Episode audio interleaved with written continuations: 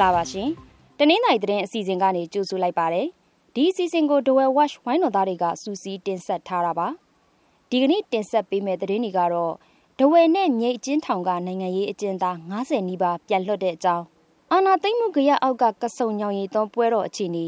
ကလေးတွေကစားနေချိန်လက်နက်ကြီးကြလို့ကလေး၃ဦးဒဏ်ရာရသွားတဲ့အကြောင်းမြိတ်မှာနှစ်ရက်အတွင်းစိတ်ကြွဆေးပြား2သိန်းဖမ်းမိတဲ့အကြောင်း မဲဆောက်မှာမြန်မာလူငယ်2ယောက်စီကမောင်းပြန်တနက်နှစ်လက်ဖမ်းမိတဲ့အကြောင်းထိုင်းတောင်ပိုင်းမှာမြန်မာကိုဝင်ဆောင်တူဘေးတွဲဆိုင်ကယ်ပေါ်မှာကလေးမွေးတဲ့အကြောင်းပါဝင်ဒီနေ့ရွှေစည်းအတက်ကြအခြေအနေစတဲ့သတင်းတွေပဲဖြစ်ပါတယ်ဒဝဲနဲ့မြေအကျဉ်းထောင်ကနိုင်ငံရေးအကျဉ်းသား48ဦးပြန်လွတ်လာပါတယ်ရသသက်ကြီးဥပဒေပုံမှန်905ကကြီးနဲ့ အကျဉ်းချခံနေရတဲ့နိုင်ငံရေးအကျဉ်းသား2000ကျော်ကိုချင်းချက်နဲ့လွန်ငင်းခွင့်ပေးခဲ့တယ်လို့စစ်ကောင်စီကထုတ်ပြန်ထားပါတယ်။ဒီလိုပြန်လွှတ်ရမှာတဝဲအကျဉ်းထောင်ကနိုင်ငံရေးအကျဉ်းသား34ဦးနဲ့မြေအကျဉ်းထောင်က14ဦးပြန်လွတ်လာပါတယ်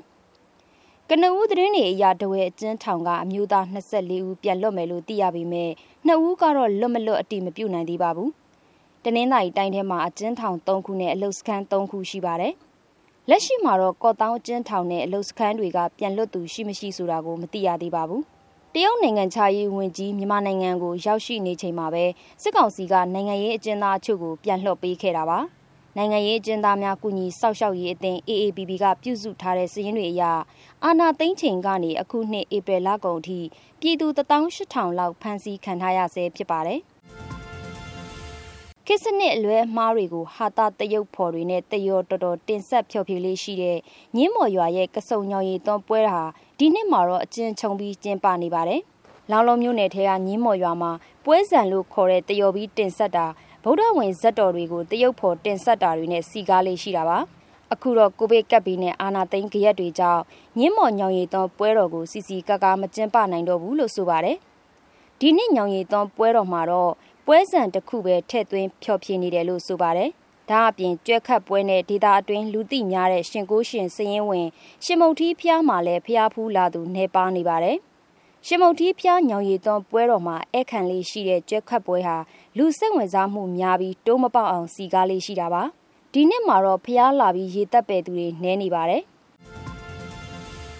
အိမ်ဝိုင်းတစ်ခုနားမှာကလေးတွေစုပြီးကစားနေချိန်လက်နက်ကြီးကြီးကြလို့ကလေးသုံးဦးဒဏ်ရာရသွားခဲ့ပါတယ်။ဒဝယ်မြို့နယ်ထဲကဇဟာကျေးရွာအုပ်စုမှာမနေ့ညနေကဖြစ်ပွားခဲ့တာပါ။လက်နက်ကြီးကြားရောက်ပောက်ကွဲတာကြောင့်အသက်၈နှစ်ယောက်ျားလေးတဦး6နှစ်အရွယ်နဲ့အသက်10နှစ်အရွယ်မိန်းကလေး2ဦးဒဏ်ရာရသွားကြတယ်လို့ဆိုပါတယ်။မိန်းကလေးတဦးမှာကနားထဲကသွေးထွက်နေပြီးကျန်2ဦးကတော့ခန္ဓာကိုယ်အနှက်လက်နက်ကြီးအစာထိမှန်ခဲ့တယ်လို့ဆိုပါတယ်။ လက်နက်ကြီးကိုဘယ်အဖွဲ့ကဘယ်လိုအကြောင်းရင်းကြောင့်ပစ်ခတ်တယ်ဆိုတာကိုတော့မသိရသေးပါဘူး။တနင်္သာရီမြို့နယ်မှာမိုးကြိုးပစ်လို့အသက်၈နှစ်အရွယ်မိန်းကလေးတဦးနဲ့မိခင်ဖြစ်သူတို့တေဆုံသွားပါတယ်။ဧပြီလ28ရက်မွန်းလွဲကချောင်းနောက်ပြန်ရွာမှာမိုးကြိုးပစ်ခံရတာပါ။ကလေးတွေစော့ကစားနေချိန်မိုးကြိုးပစ်နေလို့သွားခေါ်တဲ့အချိန်မှာတာမိနှစ်ဦးစလုံးမိုးကြိုးပစ်ခံလိုက်ရတာပါ။တေဆုံသွားတဲ့ကလေးနဲ့အတူဆော့နေတဲ့အခြားကလေးငယ်တွေကတော့ထိခိုက်တာမရှိဘူးလို့ဆိုပါတယ်။ တနင်္သာရီတိုင်းအပါအဝင်တိုင်းနယ်ပြည်နယ်အချို့မှာမိုးတိမ်တောင်တွေဖြစ်နေကြောင်းမိုးဇလဌာနကထုတ်ပြန်ထားပါတယ်။အဲ့ဒီမိုးတိမ်တောင်တွေရွှေလျားရနေရတခြားမိုးကြိုးပစ်တာလေပြင်းတိုက်တာမိုးသီးကြွေတာမိုးထစ်ချုံရွာတာတွေဖြစ်နိုင်တယ်လို့ဆိုပါတယ်။မြိတ်မြို့မှာမေလ၁ရက်နဲ့၂ရက်နေ့တွေမှာစိတ်ကြွဆေးပြား2သိန်းဖမ်းမိတယ်လို့စစ်ကောင်စီရဲ့မူရစ်စေဝါအလွဲသုံးချမှုထိန်းချုပ်ရေးဗဟိုကော်မတီကထုတ်ပြန်ပါတယ်။ မြိတ်တောင်နယ်မြေတောလေစိတ်နားမှာအသက်33နှစ်အရွယ်အမျိုးသမီးတဦးစီက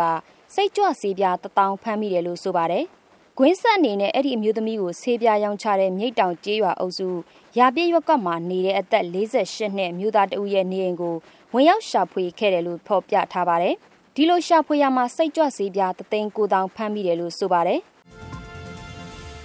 မေလတရက်နေ့ကထိုင်းမြန်မာနယ်စပ်မဲဆောက်မြို့နာမှာမြန်မာလူငယ်2ဦးစီကမောင်းပြန်တနက်နှစ်လက်ဖမ်းမိတယ်လို့ထိုင်းသတင်းတွေကဆိုပါတယ်။စိုက်ကယ်စီးလာတဲ့မြန်မာလူငယ်2ဦးကိုမတင်ကားလို့ထိုင်းရဲတပ်ဖွဲ့ကလိမ့်လံစစ်ဆေးရာကနေဖမ်းမိတာလို့ဆိုပါတယ်။တနက်နှစ်လက်ကိုဓာတ်မြေဩဇာအိတ်နဲ့ထည့်ပြီးစိုက်ကယ်နောက်ထိုင်လိုက်လာသူကကင်ဆောင်လာတာလို့ထိုင်းသတင်းတွေကဆိုပါတယ်။ အဲ့ဒီမြန်မာလူငယ်2ဦးဟာအသက်20ကျော်အရွယ်တွေဖြစ်ကြပြီးစစ်ကောင်စီကိုတော်လှန်နေတဲ့ကရင်လက်နက်ကင်အဖွဲ့တစ်ခုနဲ့တက်ဆိုင်နေတယ်လို့ဖော်ပြထားပါတယ်။မဲဆောက်ရှိမြမအရေးလှုပ်ရှားသူတွေကတော့ဖမ်းဆီးခံရတဲ့မြမလူငယ်နှစ်ဦးဟာတော်လှန်ရေးအင်အားစုတွေထဲကမဟုတ်ပဲလက်နက်တွေပို့ဆောင်ပေးနေသူတွေဖြစ်တယ်လို့ဆိုပါတယ်ထိုင်းတောင်ပိုင်းမှာမြမအမျိုးသမီးကိုဝင်ဆောင်တူဘိုင်းနာလို့ဆေးရုံသွားရကစီးလာတဲ့ဘေးတွဲဆိုင်ကယ်ပေါ်မှာပဲကလေးမွေးသွားပါတယ် ဖန်ကခရိုင်မှာနေတဲ့အဲ့ဒီကိုဝင်ဆောင်ဟာမေလတရက်နေ့ကဆေးရုံကိုသွားတဲ့အချိန်လမ်းခုလက်မှာပဲကလေးမွေးသွားတာပါ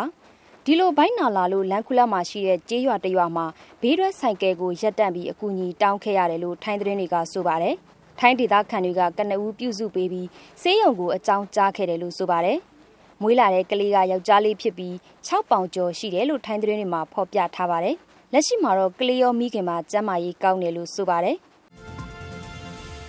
နောက်ဆုံးတစ်ပုတ်အနေနဲ့ရွှေဈေးနဲ့ထိုင်းဘတ်ဈေးအတက်အကျအခြေအနေကိုတင်ဆက်သွားပါမယ်ဒီနေ့အခောက်ရွှေဈေးဟာတစ်ကြက်သားကိုကျပ်9000ပြန်တက်လာပါတယ်။ဒဝယ်ဈေးကွက်ထဲအခောက်ရွှေတစ်ကြက်သားကို29သိန်း9500နဲ့ရောင်းချနေတာပါ။ဗတ်ဈေးကတော့တက်ရိပ်ပြနေပြီးထိုင်းငွေတစ်ပတ်ကို84ကျပ်ဈေးဖွင့်ထားပါတယ်။